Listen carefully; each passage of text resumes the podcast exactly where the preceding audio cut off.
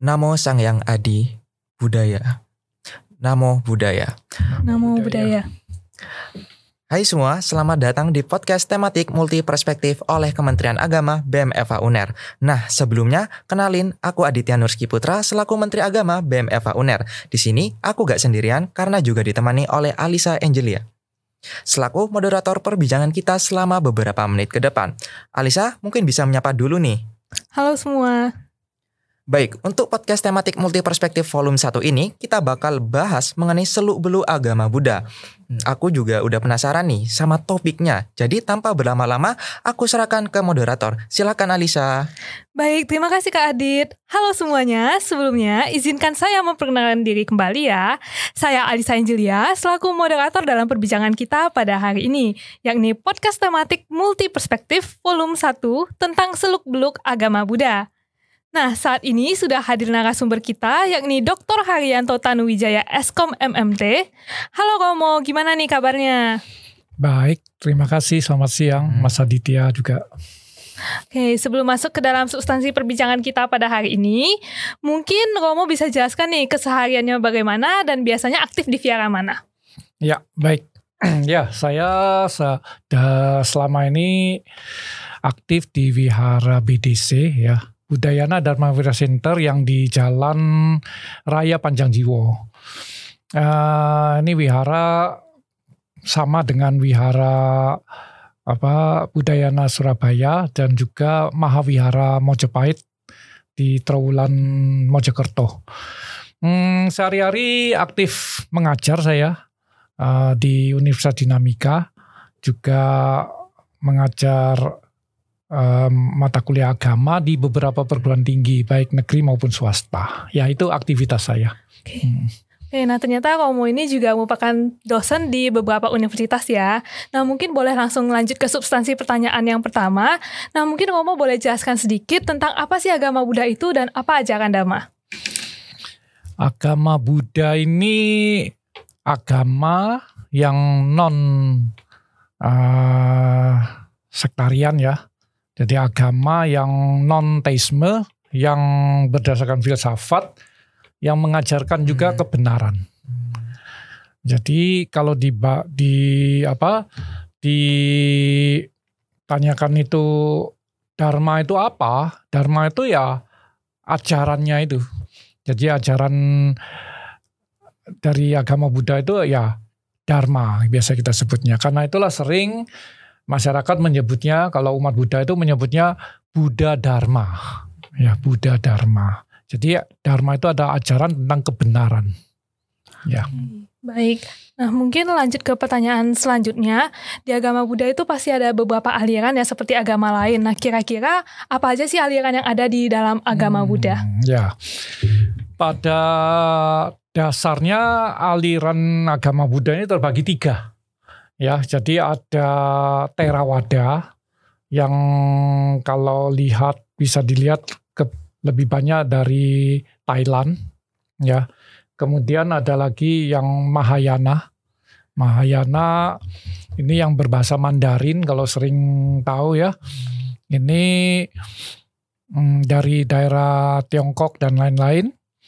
Nah, kemudian ada Tantrayana. Tantrayana ya Tibetan dan Bhutan dan sekitarnya. Ya tiga itu. Memang di masyarakat kalau di kita ini banyak ya, banyak beberapa, tapi secara garis besar tuh ada tiga mazhab tersebut. Ya, gitu ya. Oke, nah di antara ketiga aliran tersebut apakah ada cara beribadah yang berbeda-beda atau gimana sih cara umat Buddha itu beribadah? Hmm, pada dasarnya gini, eh, apa kitab sucinya kan sama, Tripitakanya sama. Jadi sebenarnya tidak beda, hanya saja caranya berbeda. Unik memang agama Buddha ini karena Buddha sudah me- apa, meminta murid-muridnya pada saat membabarkan dharma, kami sebutnya membabarkan ceramah Iya. dharma ke berbagai pelosok negeri itu, itu wajib eh, menyesuaikan dengan budaya setempat. Nah, jadi eh, munculnya Mahayana tentu saja karena mereka memang eh, menggunakan bahasa Mandarin dan budaya di sana, kondisi di sana. Sehingga mungkin misalnya gini, kalau di Indonesia kita tidak mengenal empat musim. Di sana uh, uh, mengenal empat musim. Lalu orang Tibet tinggalnya di ketinggian, dingin sekali. Nah, bagaimana mempertahankan hidup sehingga mungkin bagi kita di sana itu mereka makan binatang dan sebagainya. Di kita bisa tidak, karena itu kan uh, sebenarnya bertentangan. Nah, mereka memang memelihara binatang ayam dan lain-lain untuk ya memang untuk makan. Ya ini untuk bertahan hidup. Jadi memang disesuaikan dengan budaya setempat. Nah, cuma tata caranya ya tentu saja sesuai dengan budaya juga jadinya. Tetapi sekali lagi eh, apa yang dibaca parita yang dibaca itu sama, hanya beda bahasa saja. Ya begitu ya. Hmm. Baik Romo berarti uh, dalam uh, implementasi dalam implementasi ajaran budayanya berarti juga terpengaruh dengan uh, budaya dari masyarakat. Betul. Jadi oh. cara membacanya uh, nadanya itu bisa berbeda. Hmm. Bahkan kalau di Indonesia sini di daerah-daerah ini ya karena uh, masih zaman zamannya Majapahit di daerah Mojokerto dan sekitarnya juga di Jawa Tengah itu ada mereka membaca parita itu menggunakan bahasa Jawa, hmm. kromo inggil benar-benar diiringi dengan gamelan luar biasa. Hmm. Sehingga kami kalau ada perayaan hari-hari besar seperti Waisak dan lain-lain, kami undang khusus mereka. Hmm. Dan indah sekali cara bacanya. Meskipun kalau didengarkan ya parita yang dibaca sebenarnya. Tapi menggunakan bahasa Jawa, kromo inggil. Itu kan warisan budaya kita yang tidak ternilai. Hmm. Begitu. Jadi kalau para biku itu kumpul ketika mereka membaca doa dari masing-masing negara itu, mereka juga mengatakan dari Indonesia itu indah sekali ya nadanya ya. Ya kita memang gitu ya. Indonesia Raya pun orang luar negeri mengatakan sangat indah lagu kebangsaan kita. Ya memang kita ya di di apa diberi satu keunggulan di daerah situ. Ya di bidang itu. Ya. Wah, iya. Hmm.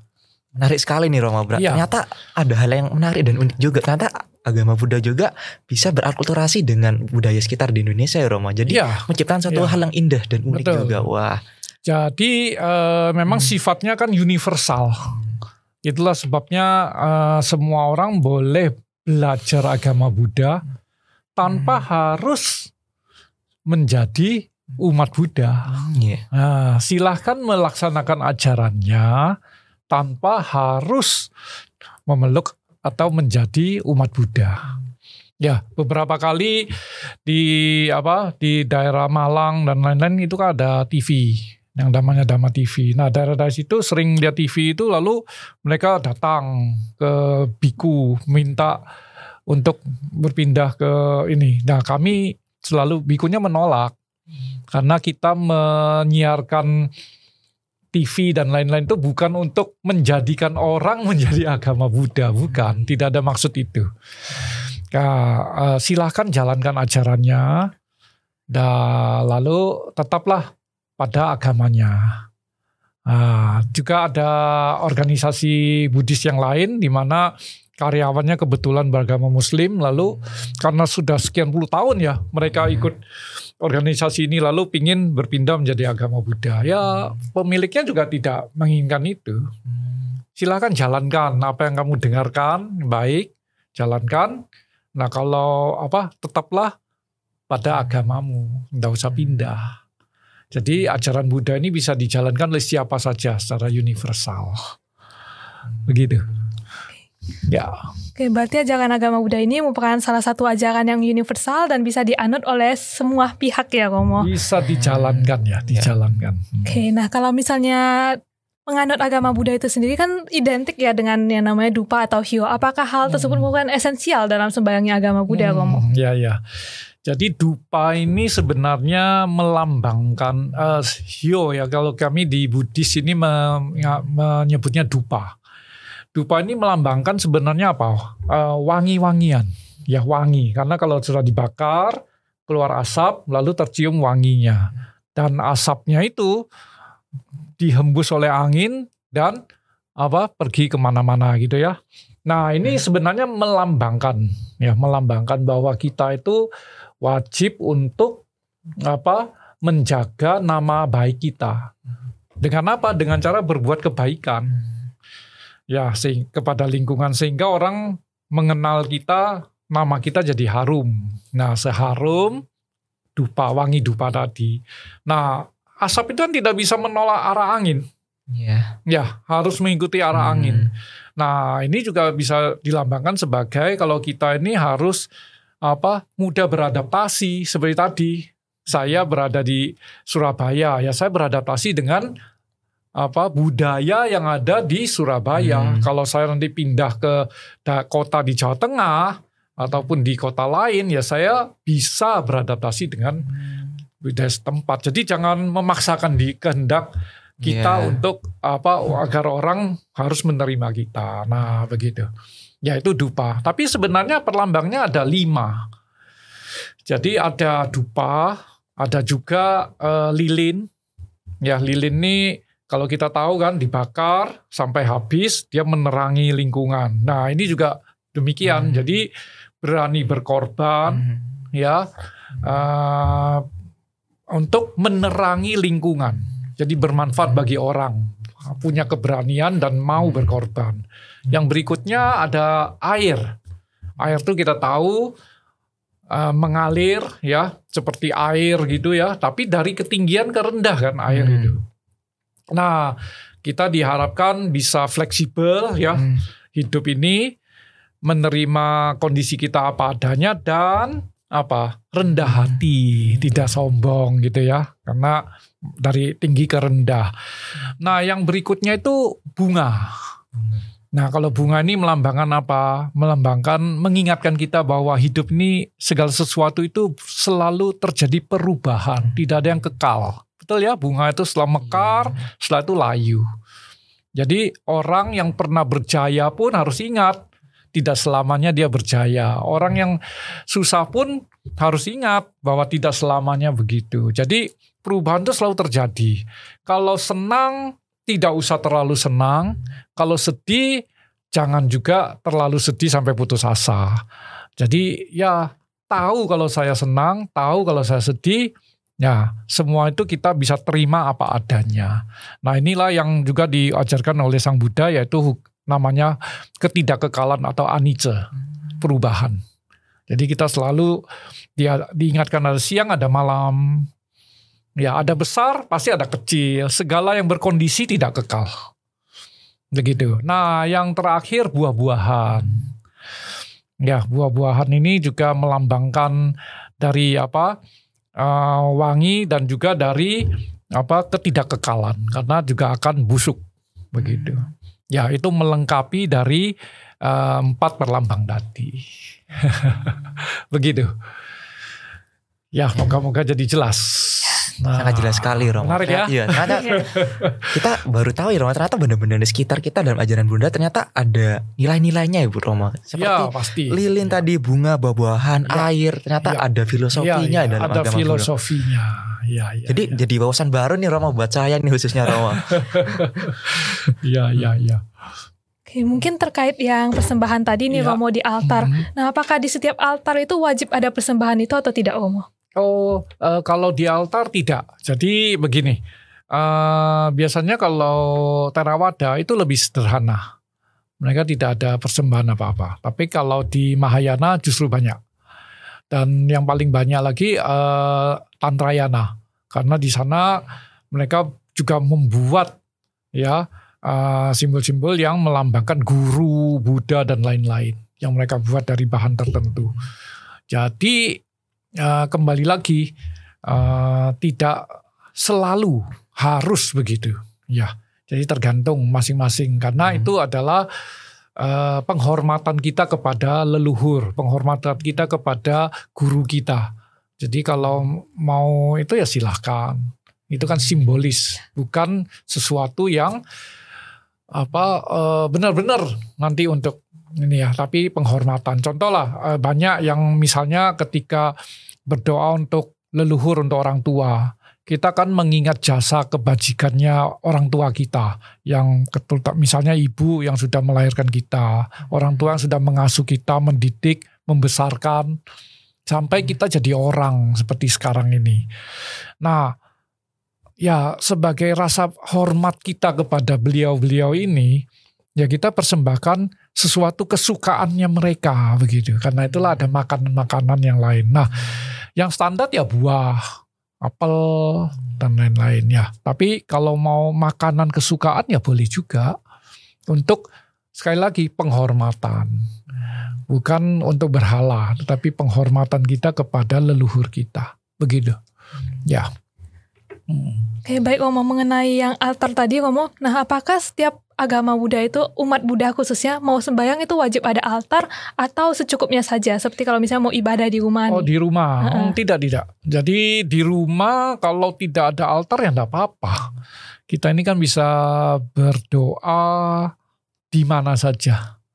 Dan lagi kalau umat Buddha ini tidak ada arah. Ya harus mengarah ke mana tidak.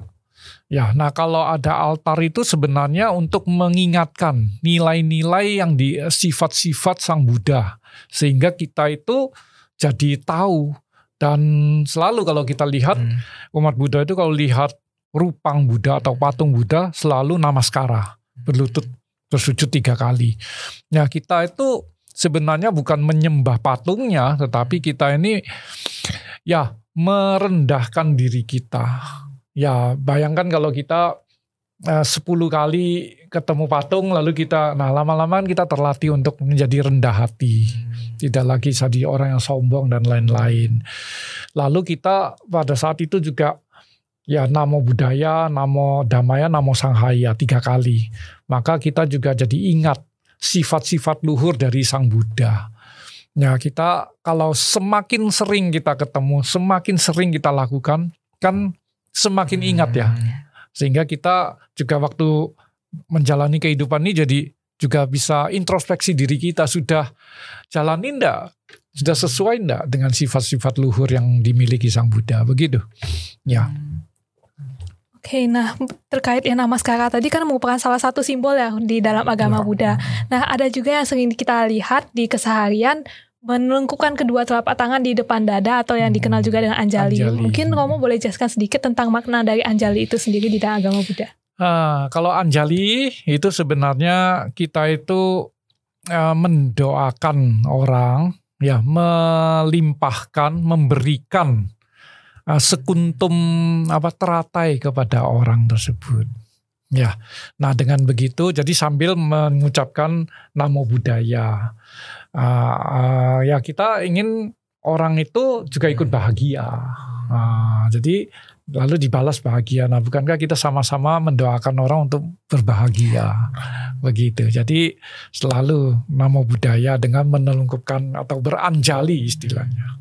Ya, meskipun ini sekarang bukan simbol dari agama Buddha juga ya, yeah. tapi saya lihat budaya-budaya Jawa pun ada begitu ya.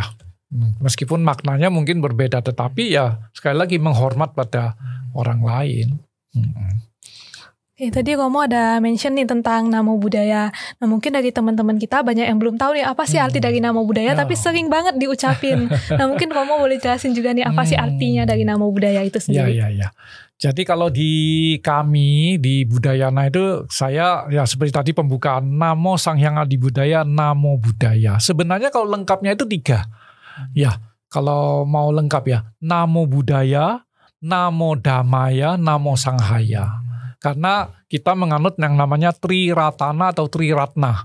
Triratna adanya Buddha, adanya ajarannya yaitu hmm. Dharma, dan adanya Sangha. Sangha ini uh, perkumpulan dari para suciwan, dalam hal ini para biku. Nah, jadi Buddha, Dharma, Sangha. Nah, karena itulah sebenarnya namo budaya, namo damaya, namo sanghaya. Tapi uh, mungkin tahu panjang ya kalau diucapkan yeah. begitu sehingga lama-lama orang hanya mengatakan namo budaya. Nah, namo itu sebenarnya uh, apa? Artinya apa? Terpujilah. Jadi terpujilah Sang Buddha, terpujilah ajaran Buddha atau Dharma, terpujilah para suciwan tadi. Begitu. Oke. Okay. Ya, ya. Nah, kalau misalnya menurut pandangan Romo sendiri, apakah ada masalah kalau misalnya pengucapan nama budaya ini diucapkan di salam lima agama tadi atau di oleh di agama lain? Hmm, tidak. Kita tidak apa tidak pernah mempermasalahkan. Tidak diucapkan saja kita tidak mempermasalahkan, apalagi diucapkan. Bukankah itu suatu penghormatan pada kami ya? Uh, dulu tidak pernah diucapkan kita juga tidak ada masalah. Apalagi sekarang diucapkan. Seharusnya kita berterima kasih. Artinya teman-teman ini kesadaran akan akan apa uh, perbedaan agama, kesadaran akan apa toleransi beragama itu sangat tinggi sekali. Ya. Hmm, sehingga uh, kita saling mengucapkan salam masing-masing. Nah itu saya menurut saya bagus sekali, ya. Hmm. Oke, nah mungkin boleh ke pertanyaan yang lebih general lagi nih. Ya. Nah mungkin uh, tentang wanita yang sedang menstruasi, mungkin di hmm. beberapa kepercayaan kayak kita nggak boleh nih wanita yang sedang menstruasi masuk ke dalam viara. Nah sebenarnya di agama Buddha itu sendiri ada larangan itu atau tidak? Sebenarnya untuk case yang ini tidak ada larangan, tidak ada spesifik ada di sana. Tetapi begini, kita tahu bahwa yang namanya menstruasi itu kan uh, wanita itu dianggap ya, dianggap, dianggap kotor karena darah yang keluar itu kotor. Nah, tapi kan darah itu keluar saat tertentu saja. Ya, sehingga ketika saya pernah juga ditanya, e, boleh berdoa enggak? Oh, boleh sekali. Ya, Kenapa? Karena doa itu setiap saat. Nah, tapi bukan berarti juga begini ketika darah itu sedang keluar lalu dia apa wanita itu mengganti apa pembalut lalu berdoa. Lah itu kan pada saat-saatnya kotor. Ya saat menangani darah kotor itu ya jangan berdoa dong. Kan begitu ya. Tapi sudah bersih, sudah ini, sudah mandi, sudah sudah tidak ada apa-apa ini. Ya, enggak masalah kan. Hanya saja memang begini, kalau menurut saya yang lebih baik lagi seperti di Mahayana atau apa kan ada main alat tuh. Hmm. Kalau lagi niencing itu, ya jangan aktif di sana, tapi duduk saja apa berdoa kan tidak masalah. Begitu. Oh baik, ya. berarti ini jadi wawasan ya tidak hanya buat saya tapi teman-teman juga yang beragama Buddha khususnya wanita bahwasanya apabila kita ke vihara dalam keadaan menstruasi pun kita bisa dengan uh, satu uh, alasan dengan satu pengecualian bahwasanya dalam keadaan bersih juga ya Romo. Betul. Hmm, sudah mandi sudah, dan lain-lain. Saya kira, saya kira gini, karena kita sudah tahu ya, kita menghormat pada yang yang yeah. sang pencipta, yang guru kita dan apalah yang kita sebut pasti hmm. inginnya dalam keadaan bersih ya kan hmm. makanya di muslim sampai ada apa itu wudhu hmm. nah, di kami juga pasti ada. Jadi hmm. selalu dalam keadaan bersih. Kalau di apa harus pakai apa selendang kuning kalau di Hindu ya. dan lain-lain ya tentu saja pasti ada. Nah karena itu sebaiknya kita bisa menjaga diri kita. Hmm. Tahu lah kondisinya kapan. Nah seperti tadi saya bilang ketika oh pada saat ini jangan pada saat ini nih. Ada lagi yang saya uh, ketika di toilet bagaimana? Ya di toilet ya jangan doa lah. Masa yeah. baca parita itu di toilet yeah. gitu kan enggak pantas gitu. Nah, gitu kan. Gitu aja. ada norma dan etika sopan santunnya ya Romo. Ya, berarti. pasti hmm, ada etikanya ya. Yeah. Meskipun uh, dari atas tidak sampai menghukum begitu yeah. tetapi ya kita tahu mana yang baik, yeah. mana yang sesuai etikanya gitu. Ya. Baik, berarti sepanjang kondisi kita layak, kita bisa berdoa selayaknya. Ya, ya, Oke. ya. Nah, masih terkait tentang berkunjung ke viara nih ngomong. Ya. Nah, kalau misalnya umat lain, teman-teman kita dari umat lain, boleh nggak sih berkunjung ke viara atau bahkan berdoa di viara? Oh, sangat sangat apa? Uh, amat sangat mungkin sekali, amat ya. sangat mungkin sekali. Jadi kalau kami di Budayana, bahkan kami uh, tidak mengenal berusaha untuk menyatakan bahwa agama itu tidak ada mashabnya. Jadi di di wihara saya ini semua masab boleh. Jadi kita gilir. Uh, kadang dari biku mana pun boleh. Ya, dari Tarawada, dari Mahayana, dari Tantra, apa silakan beraktivitas. Nah, bahkan ketika kami ada latihan-latihan meditasi, hmm. tidak jarang kami buka umum Ya, kami selalu buka umum, sorry. Kami selalu buka juga untuk umum. Tidak jarang teman-teman yang dari Muslim, dari agama lain ikut di sana belajar. Mereka kan tahu, eh ini bikunya tentang apa? Mereka kan baca di internet dan lain-lain. Oh, datang. Mereka ikut datang, ikut berlatih. Nggak masalah. Nah, lalu wihara ini kan juga mm, apa? Jangan eksklusif ya. Kita harus inklusif. Jadi kita juga buka untuk masyarakat sekitar, misalnya teman-teman yang mau apa mengadakan acara tertentu butuh ruangan dan tempat kita cukup ya silahkan selama mereka sendiri masih tidak keberatan duduk di depannya altar. Oh, nah, yeah. justru mereka ini yang berat keberatan atau tidak. Selama tidak, kita tidak masalah. Jadi tempat kita ini seperti tadi saya bilang di Mahawihara Majapahit itu itu bahkan sekarang sudah jadi tempat wisata religi yang datang kan semua agama ya. Uh, dan mereka uh, ingin belajar tentang agama Buddha. Tidak sedikit yang masuk ke wihara permisi ya Pak saya boleh tanya-tanya. Hmm. saya boleh ini. Oh silahkan kita jelaskan apa ini. Jadi mereka tahu. Lalu saya boleh doa di depan? Oh silahkan hmm. nah lalu ketika perayaan Waisak Nah itu kita ada ritual mandi Buddha. Nah, tidak jarang para pengunjung itu ikut mandi Buddha di sana. Ya tentu saja kami harus menjelaskan maknanya agar mereka tidak terlanjur terus merasa berdosa. Nah kita jelaskan dulu maknanya, mereka tidak masalah, mereka ikut mandi Buddha, foto kita bergaya oh. gitu ya. Nah masalah, bagi kita welcome sekali. Jadi tempat kita bahkan di Mawiara itu sering eh, teman-teman Muslim pakai di sana. Karena di sana ada ruangan besar untuk rapat, ada tempat menginapnya dan lain-lain. Jadi di sana. Jadi teman-teman ya lintas agama sudah banyak lah yang memakai di sana. Nah, wihara kami juga sama di BDC itu kebetulan di lantai dua itu ada ruang ini dari Kemenak juga sering mengadakan misalnya acara lain itu di atas di depan altar itu juga tidak masalah. Ya, jadi dari kami tidak masalah. Nah, tentu saja kembali ke yang hadir itu bermasalah atau tidak. Oh, baik Romo berarti uh, dari saudara kita umat Buddha ya sangat yeah. welcome sekali ya buat dari agama lain yeah. untuk belajar tentang agama betul, Buddha khususnya betul. berkunjung ke vihara. Sangat sangat ini. Jadi Karena, ini nih informasi yeah. ya iya. buat teman-teman khususnya teman-teman Eva nih ketika yeah. pengen kepo tentang ajaran agama Buddha mungkin bisa ya. Oh, silakan, Langsung main ke vihara ada Romo ini siap yeah, yeah, yeah, memberikan yeah. boleh, edukasi boleh. ya. Saya undang oh. ke vihara BDC nanti saya sambut lah ya. Oh. nanti saya beri penjelasan lebih detail tentang agama Buddha itu bagaimana juga kegiatan-kegiatannya sehingga lebih mengenal apa itu agama Buddha. Jadi tidak sekedar oh uh, ada patungnya berarti hmm, Buddha yeah. begitu. Oh Borobudur bukan itu aja. Iya. Yeah, yeah. ya. Oke, mungkin tadi Romo ada singgung sedikit tentang praktik meditasi nih yang bisa ya. dipraktikkan oleh semua orang. Nah, mungkin Romo boleh jelaskan sedikit tentang apa sih meditasi dan maknanya itu sendiri gimana? Hmm.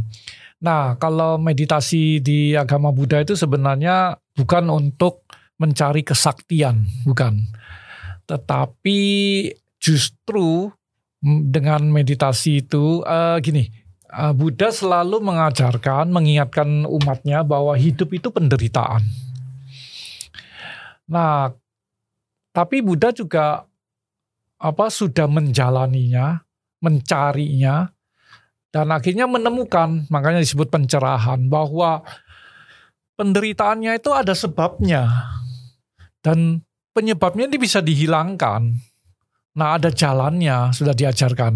Ya, ya jalan utama berunsur delapan. Tapi saya tidak bahas di sana. Nah, hidup penderitaan. Penyebabnya siapa? Diri kita sendiri. Jadi sering kali kita itu menderita karena kita mengizinkan lingkungan untuk membuat kita menderita. Hmm. Contoh ada orang uh, memaki kita, kita langsung marah, ya menderita sendiri. lalu ketika kita kehilangan handphone misalnya, lalu dipikirin sampai tiga hari, tidak bisa terima. Nah itu juga menderita. Oke, okay. uh, eh, tadi Anice perubahan, kita tidak bisa menerima perubahan, menderita pasti pasti ya dari panas ke hujan, oh banyak menderita. Nggak bisa, saya nggak suka musim hujan. Wah begitu hujan dia marah lah apa, pokoknya nah, nanti nggak bisa tidur apa. Nah itu menderita. Nah meditasi itu untuk kita merenung, introspeksi diri, tahu eh, agar kita lebih sadar, hidup berkesadaran, sadar apa yang kita lakukan, sadar sekarang apa yang saya ucapkan ini saya sadar, sadar ketika makan saya sadar, jadi tahu apa yang akan saya lakukan ini, tahu ini baik atau tidak, bermanfaat atau tidak, mem- membawa ke penderitaan atau tidak baik pada orang lain ataupun pada diri kita sendiri. Karena Buddha mengajarkan ap- apa yang baik untuk diri kita dan baik untuk orang lain jalankan. Apa yang merugikan kita apalagi merugikan merugikan orang lain tinggalkan.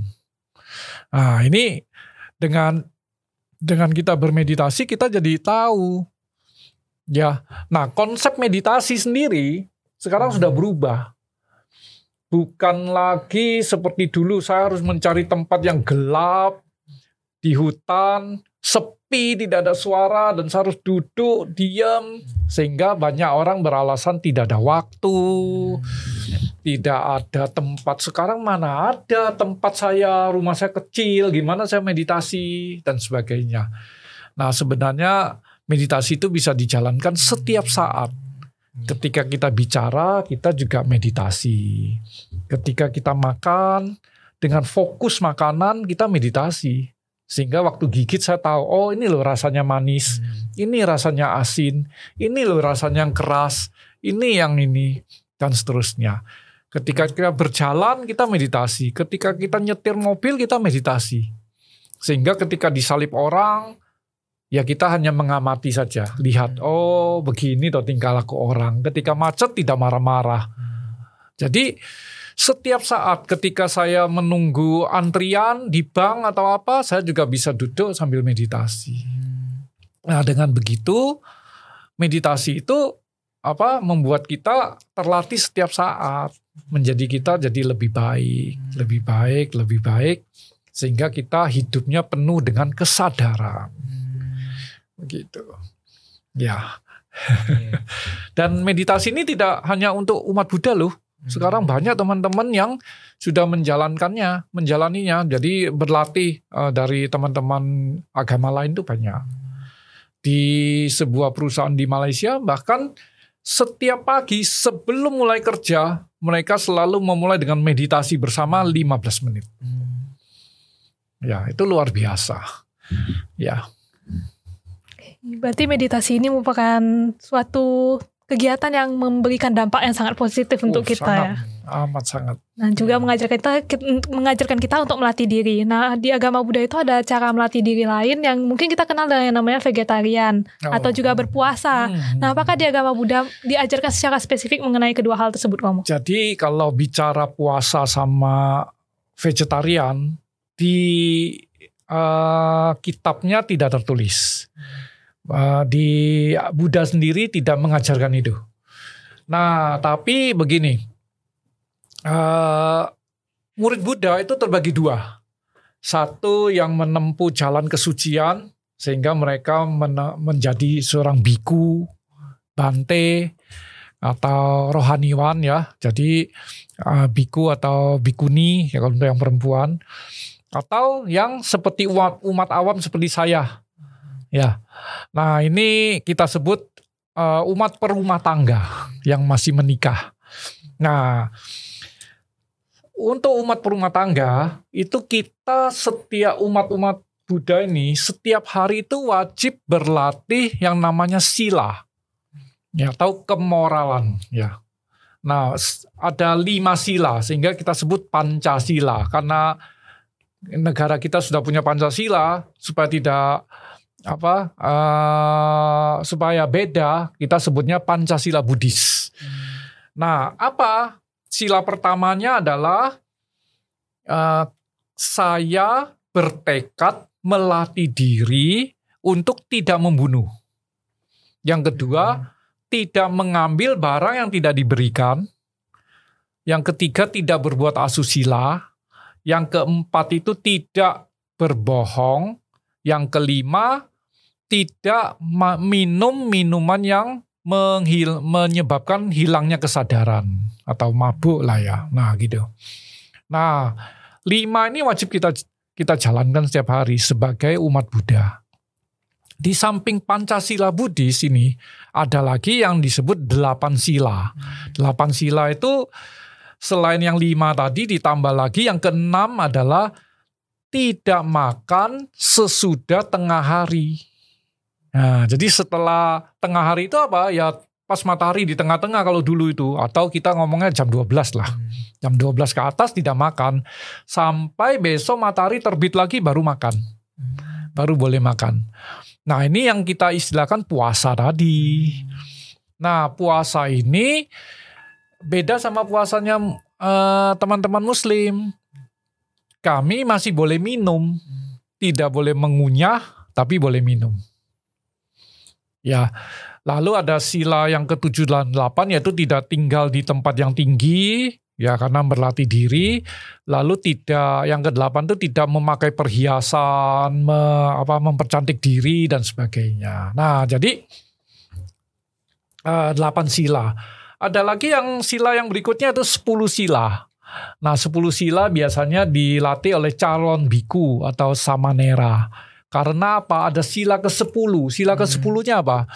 Tidak menerima pemberian berupa uang dan lain-lain. Nah, ini kan berat hmm. bagi saya perumah tangga. Bagaimana saya menerima uang, terus anak istri makan apa ini? Yeah. jadi bagi Samanera kan memang mereka tidak menikah. Ya, jadi mereka uh, bisa jalani itu. Jadi ada uh, delapan sila. Nah, delapan sila, uh, sila ke delapan uh, sila ini atas sila ini biasanya dilatih uh, di tanggal 1 dan tanggal 15 tanggalannya Cina. Jadi kalau 15 itu kan apa uh, tanggal apa uh, bulan purnama. Bulan lagi terang-terangnya. Kalau tanggal 1 itu bulan lagi kecil-kecilnya.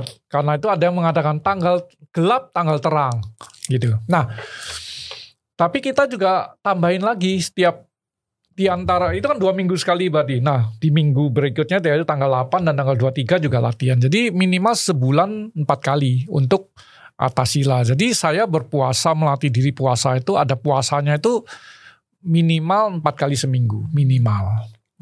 Nah, puasanya ini biasanya dijalankan teman-teman yang apa dari Terawada. Ya, dari Theravada ketat dalam hal puasa. Jadi itu sebabnya kalau lihat kegiatan-kegiatan itu para biku itu sudah wajib makan jam 11. Tujuannya apa? Supaya tidak melewati jam 12. Kalau jam 11.30 makannya jadi cepat-cepat. Padahal kan katanya perlu meditasi, ya makan dengan penuh kesadaran. Hmm. Nah, jadi uh, jam 11 biasanya. Nah, kalau yang vegetarian itu eh, eh sebentar ya, yang puasa itu ada juga yang mengatakan makan sehari dua kali. Nah sebenarnya tidak harus dua kali karena jam setengah enam atau matahari terbit boleh makan sampai maksimal jam 12. Ya mau makan berapa kali pun silahkan. Tetapi kan kita melatih diri nih. Masa melatih diri makan sebanyak-banyaknya. jadi dengan dengan adanya puasa itu kita jadi apa hidupnya sederhana, hmm. mudah dilayani, benar ya. Hmm. Saya tidak merepotkan orang lagi siang-siang hmm. cari makan, malam-malam cari makan, merepotkan orang. Nah dengan begitu saya bisa makan apa adanya. Ya diberikan ya saya makan, ada makanan ya saya makan, tidak ada ya makan sehari sekalian tidak apa-apa. Banyak mengatakan kok bisa, ya bisa kuat kok, asal tekad tadi. Ya, nah kalau yang vegetarian itu banyak dijalankan teman-teman yang dari mazhab Mahayana. Nah, mereka berlatih diri untuk apa? mengurangi pembunuhan. Ya. Uh, kemudian mereka tidak memakan apa hewani ya makan makanan yang mengandung hewan uh, baik itu darat udara maupun hmm. laut tidak makan. Nah, eh, yang vegetarian ini ada dua juga, ada yang sampai vegan. Vegan itu tidak makan telur, susu, bawang. Ya kalau yang vegetarian masih makan apa susu, ada yang masih makan telur, ada yang masih makan bawang. Ya tapi ada yang juga enggak.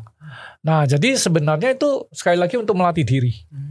Iya. Ya bukan untuk apa eh gaya-gayaan gitu bukan. Tapi Buddha tidak pernah mengharuskan, tidak. Ya, karena gini, kalau saya cerita ya, Buddha dulu itu membawa tempat itu namanya pata. Hmm, Ya, ma- makanya namanya pindah patah. Berkeliling dari rumah ke rumah untuk memberi kesempatan penduduk berbuat kebaikan dengan memberi makanan. Nah, zaman dulu ngasih makan itu ndak diplastiki. Ya dikasih gitu saja di dalam patah. Bayangin satu patah isinya banyak makanan. Nah, ada yang ngasih daging, ada yang enggak, kecampur semua. Nah, Buddha juga tidak milih-milih makannya, ya makan. Jadi makan apa yang diberikan. Berarti kan tidak vegetarian pada saat itu. Ya, begitu. Ya, oke, moga-moga menjawab. Baik Romo berarti ini sangat bagus sekali nih ajarannya Romo. Iya. Ternyata dari tadi yang sudah disebutkan Romo ada Pancasila Buddhis, ada 8 sila, 10 sila. Ya. Secara garis besarnya kita tahu bahwasannya kita harus memberi- eh, melakukan hal-hal kebaikan baik untuk orang lain dan diri kita. Salah satunya tadi untuk tidak membunuh, tidak mencuri, bahkan kita disuruh untuk puasa agar kita menjadi orang yang sederhana dan juga menjadi eh, figur yang lebih baik lagi ya Romo. Wah Ya, menarik nih. Dengan puasa itu kan saya tahu, oh begini loh rasanya lapar. Jangan lapar terus oh boleh minum, diakali. Di jus saja semua kan jadi cair nih, terus dimakan. Lah ini namanya ndak melatih diri, Oh. membohongi diri. Ya, nah itu percuma. Jadi kita belajar mengendalikan, tidak marah. Jadi delapan sila itu delapan delapannya kita kendalikan. Dan kita tidak perlu koar-koar. Misalnya begini nih, saya lagi puasa nih. Nah teman-teman nyetel musik kan tidak boleh itu bersenang-senang gitu. S- Kalau delapan sila itu jangan salah satunya tidak bersenang-senang itu. Terus saya minta mereka, eh hari ini saya puasa ya, jangan ada yang nyetel musik. Tidak perlu begitu. Hmm. Bagaimana saya mengendalikan diri pas yang paling susah itu ketika mereka nyetel musik yang lagunya pas kesenangan saya. Aduh, ini rasanya kepingin ikut nyanyi. Di situlah pengendalian dirinya. Hmm, ya. ya. Di, sem- semakin bisa terlatih, semakin berarti kita meningkat. Nah, Ya. begitu. Hmm. Ya, ya, ya. Oke, lanjut. Oke, Silahkan. berarti kuncinya itu di pengendalian diri ya. Ya. Nah mungkin kita bergerak nih ke pertanyaan yang lebih spesifik. Hmm. Seringkali yang umat-umat Buddha teman-teman kita sebut tentang hukum karma, hukum karma. Hmm. Nah tapi mungkin masih agak awam ya tentang hukum karma itu apa sih dan praktiknya di dalam agama Buddha, Hmm. agama Buddha itu sendiri bagaimana? Hukum karma itu sebenarnya apa? Hukum sebab akibat. Ya, jadi ada sebab, a- a- akibat itu pasti ada sebabnya, benar ya? Iya. Ada asap atau pasti ada api. Jadi hukum sebab akibat. Apa yang kita tanam itu yang kita petik. Nah, jadi kalau kita menanam jagung, biji apel, pasti kita petiknya apel Hmm, dong. Nggak iya. mungkin kita tanam biji apel, terus dengan membaca doa dan sebagainya, mintanya munculnya jeruk. Nggak mungkin. Jadi hukum sebab akibat ini adalah hukum perbuatan. Hukum bahkan kalau di Buddhis ini niat aja sudah karma, Hmm. niat. Jadi belum berbuat ini, niat buruk itu sudah karma buruk. Niat baik sudah karma baik. Jadi sering kali saya eh ayo pas eh, ada misalnya ada orang sakit saya mau bantu gini gini gini. Oh, aduh kebetulan nggak bisa dan sebagainya.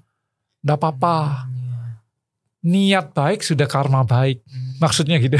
niat, Hmm. niat aja sudah meskipun belum terlaksana. Nah, jadi kita itu disadarkan bahwa Buddha mengajarkan bahwa siapa yang bisa menolong diri kita ya diri kita sendiri. Iya. Jadi eh nggak bisa dong kita pingin ini, kita pingin punya uang ya. Kita pingin, tapi kita nggak bekerja. Iya. Doa aja di Iya, kamar, doa aja. Nggak mungkin lah. Masa Iya. ada Tuhan terus datang tiba-tiba karena kamu sing doa, saya kasih kamu uang. Iya. Nggak mungkin. Ya kerja lah kalau Iya. pingin punya uang. Iya. Nah, Hmm. siapa yang menolong diri kita? Diri kita sendiri.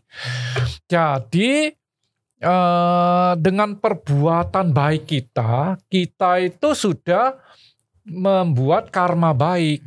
Ha, nah, karma ini ada banyak ya, ada yang berdasarkan waktu. Maksudnya gini, saya pas nemukan uang orang, saya kembalikan ke orang.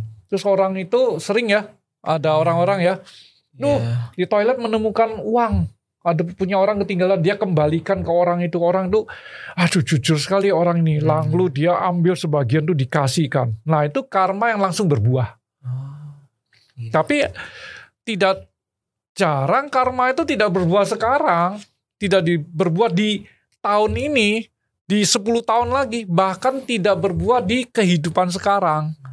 Berbuahnya di kehidupan kita yang berikutnya.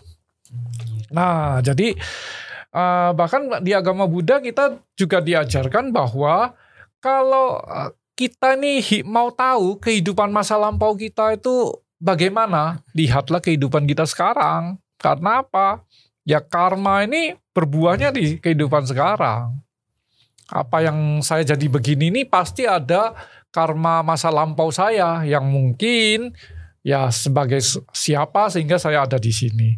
Nah, kalau kita mau menentukan kehidupan kita berikutnya, ya lihat aja perbuatan kita di masa kehidupan sekarang karena itu akan menentukan kehidupan Iya. kita berikutnya. Jadi karma kita itu yang menentukan kita sendiri.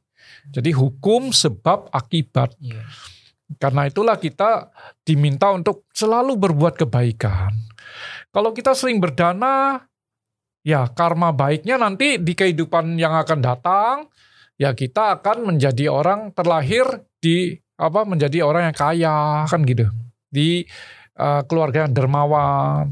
Nah kalau kita pelit, ya berarti kita juga mungkin terlahir sebagai keluarga yang miskin, serba kekurangan lah begitu.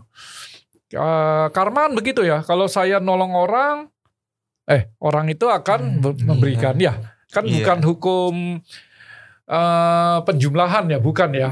Tapi eh, perkalian. Saya kali beri satu atau pembagian ya. Jadi kalau satu dibagi dengan nol itu kan tak terhingga. Ya, jadi saya memberi tanpa ada apa eh, secara tulus ya, tidak mengharapkan pengembalian jadi nol, itu tak terhingga. Jadi kita itu akan dapat kembalian yang tak terhingga. Nah, jadi eh, banyak berbuat baik, maka karma kita akan baik. Nah, menumpuklah karma baik sebanyak-banyaknya supaya ya pasti kita karma buruknya ada ya, tapi Eh, kalau karma baik lebih banyak, berarti kita di kehidupan yang akan datang akan terlahir di alam yang lebih bahagia. Begitu. Hmm. Oke Romo, nah tentang karma nih, mungkin ada nggak sih hubungan antara hukum karma dan juga jodoh kita di masa sekarang atau di masa yang akan datang? Betul. Jadi eh sering kita di di ini ya karena apa? Ada kemelekatan biasanya manusia tuh. Eh, apa? Kemelekatan itu ikatan gitu ya. Tidak bisa melepas pikiran dari hal tersebut. Contoh, banyak orang ketika mau meninggal masih mikirin harta saya gimana. Nanti siapa yang mewarisi dan sebagainya. Nah, itu sangat berbahaya. Jadi dia tidak bisa melepas, dia masih melekat sehingga dia mungkinnya terlahir lagi nanti di alam yang lebih rendah gitu. Nah, kalau mereka sudah bisa melepas, mereka bisa terlahir di alam yang lain, yang lebih baik, yang lebih bahagia. Jadi manusia ini sulit sekali melepas ini kemelekatan. Eh, makanya muncul yang namanya keserakahan. Ada tiga ya, tiga racun Hmm, yang iya. kita kenal ya. Ada eh, dosa, moha, ya, sama loba, dosa, moha ya. Loba ini apa? Keserakahan. Ya betul. Ya benar. Dosa ini kebencian, Moha ini kebodohan batin, kebodohan. Ya tidak punya pandangan yang salah terus. Nah ini yang bahaya. Nah tiga racun ini kalau tidak kita singkirkan, kita lekati terus, ya itulah yang menyebabkan ini. Nah ada yang namanya jodoh karma. Seperti sekarang, eh, kalau di Buddha ini kita percaya, saya bisa bertemu Anda, saya bertemu di sini, itu karena jodoh karma. Ah, maksudnya pertanyaannya udah jodoh, ada jodoh karma. Meskipun jodoh itu bukan berarti harus merit, bukan. Oh iya. Tapi kita pernah bertemu ini sudah suatu jodoh. Karena itu kita diminta jangan apa eh, ini harus menjaga persaudaraan, persahabatan, pertemanan kita. Dia bisa kuliah di sini, ketemu itu jodoh karma. Kalau dia kuliahnya di luar negeri, nggak pernah ketemu. Paham ya? Jadi jodoh karma. Bukan berarti harus merit, bukan. Tapi kita pernah ketemu ini pasti dulu pernah ada sesuatu jodoh yang membuat kita, nah karena karma kita baik, ketemu lagi sekarang ini.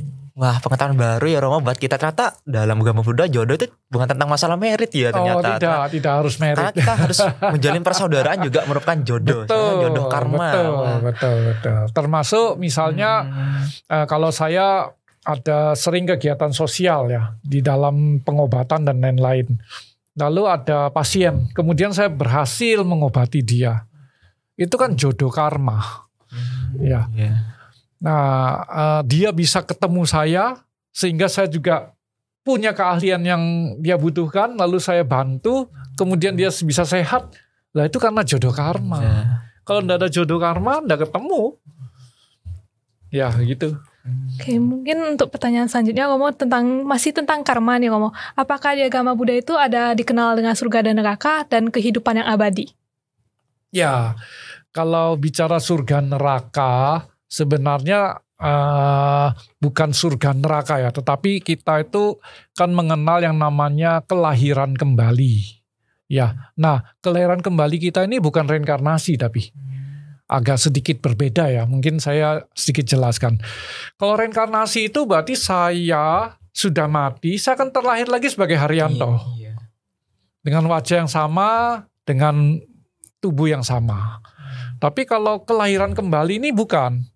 Jadi kita terlahir lagi, apakah di alam manusia, di alam dewa, atau di alam yang lebih rendah, misalnya alam binatang, alam setan dan lain-lain. Nah, jadi pertanyaannya, apakah ada neraka? Eh, kita tidak mengenal yang namanya neraka, tetapi kalau terlahir di alam yang lebih rendah, bukankah itu neraka bagi kita? Ya, jadi kita terlahir di alam misalnya alam setan yang kelaparan, bayangkan. Dan untuk terla mereka terlahir lagi di alam manusia atau alam dewa itu panjang sekali, apa eh, lama sekali. Nah, karena itulah kita selalu di- diingatkan untuk berbuat karma baik supaya Hmm. tidak sampai terlahir di alam-alam begitu. Nah, tujuan kita sebenarnya kalau umat Buddha ditanya selalu apa? Ingin hid, ke, apa mencapai kehidupan yang bahagia Iya. dan sejahtera. Nah, kebahagiaan di umat Buddha itu tidak harus didapatkan ketika mereka sudah meninggal. Jadi surga itu kan kebahagiaan. Tidak harus waktu meninggal baru dapat kebahagiaan. Tidak. Saat sekarang hidup ini sudah harusnya sudah bisa dapat kebahagiaan. Nah, eh, jadi nibana istilahnya kita. Nibana. Nah, kebahagiaan yang tertinggi itu namanya nibana paramangsutam. Yaitu apa? Tidak terlahir di alam mana pun. Itulah kebahagiaan tertinggi kita. Jadi bukan hanya surga tetapi sudah di atasnya lagi. Kalau surga kan kita kenalnya banyak orang abadi di sana. Kalau ini enggak, kita tidak terlahir di alam mana pun. Jadi kita tidak pernah lagi merasakan penderitaan, tidak lagi merasakan adanya kondisi Hmm. Baik, buruk dan sebagainya yang membuat perasaan kita ini. Jadi tidak ada lagi karena manusia pada dasarnya terlahir dari kumpulan dari unsur-unsur. Ada padat, cair dan sebagainya. Nah, kalau tidak terlahir di mana pun, ya sudah saya tidak berbentuk, tidak ada namanya perasaan, tidak ada pikiran, tidak ada tidak ada penderitaan. Nah begitu. Jadi uh, itu sebabnya kita tidak pernah me membahas tentang neraka atau surga, tapi kita membahasnya nibana. Jadi kebahagiaan, kalau bisa kebahagiaan tertinggi. Tapi kan itu butuh latihan seperti sang Buddha. Yeah. Padahal kondisi sekarang kehidupan ini kan sudah begitu rumit ya. Hmm. Kalau dulu mungkin masih lebih sederhana, tidak ada handphone, tidak ada internet. Sekarang hmm. lebih sulit, bisnis, ekonomi lebih susah. Sehingga dalam kehidupan ini diharapkan kita tetap menjalankan ajarannya minimal terlahir di alam manusia, minimal. Kalau bisa di alam dewa, kalau bisa nibana para mangsutam, tidak terlahir di alam mana pun juga, begitu. Ya. Oke, mungkin ngomong untuk pertanyaan penutup nih. Ya. Mungkin ngomong boleh jelaskan uh, inti dari ajaran Buddha. Yang statement hmm. khas banget nih dari agama Buddha itu apa? Uh, ajaran Buddha adalah ajaran yang menekankan pada perbuatan. Ya, jadi segala sesuatu itu harus dilaksanakan. Itu sebabnya juga ada yang lalu menangkap pesan message ini lalu oh saya tidak perlu ke wihara berarti ya. Yang penting saya berbuat baik. Ya tidak juga. Praktek tanpa teori itu kan rasanya kurang lengkap ya. Kalau teori aja tanpa praktek ya tidak ada gunanya juga praktek tanpa teori kadang-kadang bisa sesat hmm. nah karena itu dua itu harus saling melengkapi nah inti uh, inti ajaran kita itu apa? Agama Buddha itu perbanyak perbuatan baik, kurangi atau hilangkan perbuatan buruk, ya sucikan hati dan pikiran. Itulah inti ajaran Buddha. Jadi banyaklah berbuat baik, banyaklah berlatih diri tadi, uh, melatih misalnya meditasi, melatih yang namanya eh, tiga hal ya eh, per pikiran, perkataan, perbuatan. Jaga pikiran karena pikiran itu kan pelopor. Begitu pikirannya buruk, perkataannya bisa buruk, perbuatannya buruk. Jadi pikiran, perkataan, perbuatan. Apalagi zaman sekarang ya medsos. Perkataan itu kan bisa dari ini. Forward aja itu perkataan yeah. sebenarnya. Jadi uh, Buddha ajarkan satu hal yang namanya ehipasiko. Ehipasiko itu datang dengarkan. Nah, teman-teman nih sudah dengarkan gini, apa? Renungkan, perhatikan, selidiki. Kalau itu baik, sesuai jalani. Kalau tidak, tinggalkan. Nah, itu Buddha sendiri. Bahkan Buddha sendiri minta muridnya melakukan itu. Datang, dengerin khotbah saya. Hayati, renungkan. Buktikan. Kalau itu baik buat kamu, jalani kalau tidak, tinggalkan ajaran saya. Yeah. Nah, jadi jangan hanya percaya aja, dengar langsung. Nah, ini tidak baik. Jadi kita ya mungkin sekarang istilahnya apa? Harus apa? Uh, selektif ya. Jadi begitu ya. Nah, lalu uh, kita juga harus berlatih apa? Uh, menghindari tadi uh, melatih sila ya dipraktekkan kalau bisa atas sila lebih baik lalu kita juga apa eh, banyak berdana menghindari tiga racun tadi ya yeah. dosa apa eh, loba dosa moha nah kalau bisa menjalankan apa eh, jalan utama berusul delapan nah, kalau itu bisa ya paling tidak kita tujuan kita yaitu kebahagiaan atau nibana para mangsutam itu akan tercapai. Kebahagiaan dunia akhirat ya, kebahagiaan di dunia sekarang dan di akhirat nanti. Begitu dari saya. Terima kasih semuanya. Oke. Okay. Nah, berarti pertanyaan tadi merupakan pertanyaan penutup dari kami. Mungkin boleh sedikit saya simpulkan ya, Romo. Ya. Nah, bahwa agama Buddha itu merupakan ajaran yang universal. Tandanya semua umat itu bisa mempelajari dan mempraktikkan ajaran Buddha. Tidak terbatas untuk golongan tertentu saja. Walaupun di dalam agama Buddha itu dibagi menjadi tiga mazhab, tetapi itu tetap satu dan mempraktikkan yang namanya dhamma. Dan di dalam agama Buddha itu diajarkan untuk melatih diri. Dan juga untuk statement penutup, yaitu inti ajaran Buddha, yaitu perbanyak perbuatan baik, kurangi perbuatan jahat, sucikan hati dan pikiran, itulah inti dari ajaran Buddha. Yang tentunya juga bisa dipraktikkan oleh semua orang. Benar begitu Romo? Ya, Oke, nah mungkin itu penutup dari saya dan saya akan kembalikan ke, Ad- ke Adit. Silakan Kak Adit. Terima kasih Romo Haryanto dan juga Alisa. Setelah sharing-sharing ilmu tentang agama Buddha, saya jadi punya wawasan baru nih terkait seluk-beluk agama Buddha yang selama ini belum banyak diketahui oleh masyarakat awam ya tentunya. Semoga perbincangan kita kali ini juga memberikan manfaat bagi teman-teman sekalian yang tidak juga agama Buddha namun agama yang lainnya juga. Untuk Romo Haryanto, terima kasih banyak sudah berkenan hadir Ya. dan berbagi ilmu untuk kita semua. Eh, baik, karena kita sudah ada di ujung perbincangan, saya Aditya Nurski Putra pamit undur diri. Sampai jumpa di podcast tematik multiperspektif Kementerian Agama BMFA UNER Volume 2. Namo Buddhaya, sampai jumpa. budaya. Nama budaya.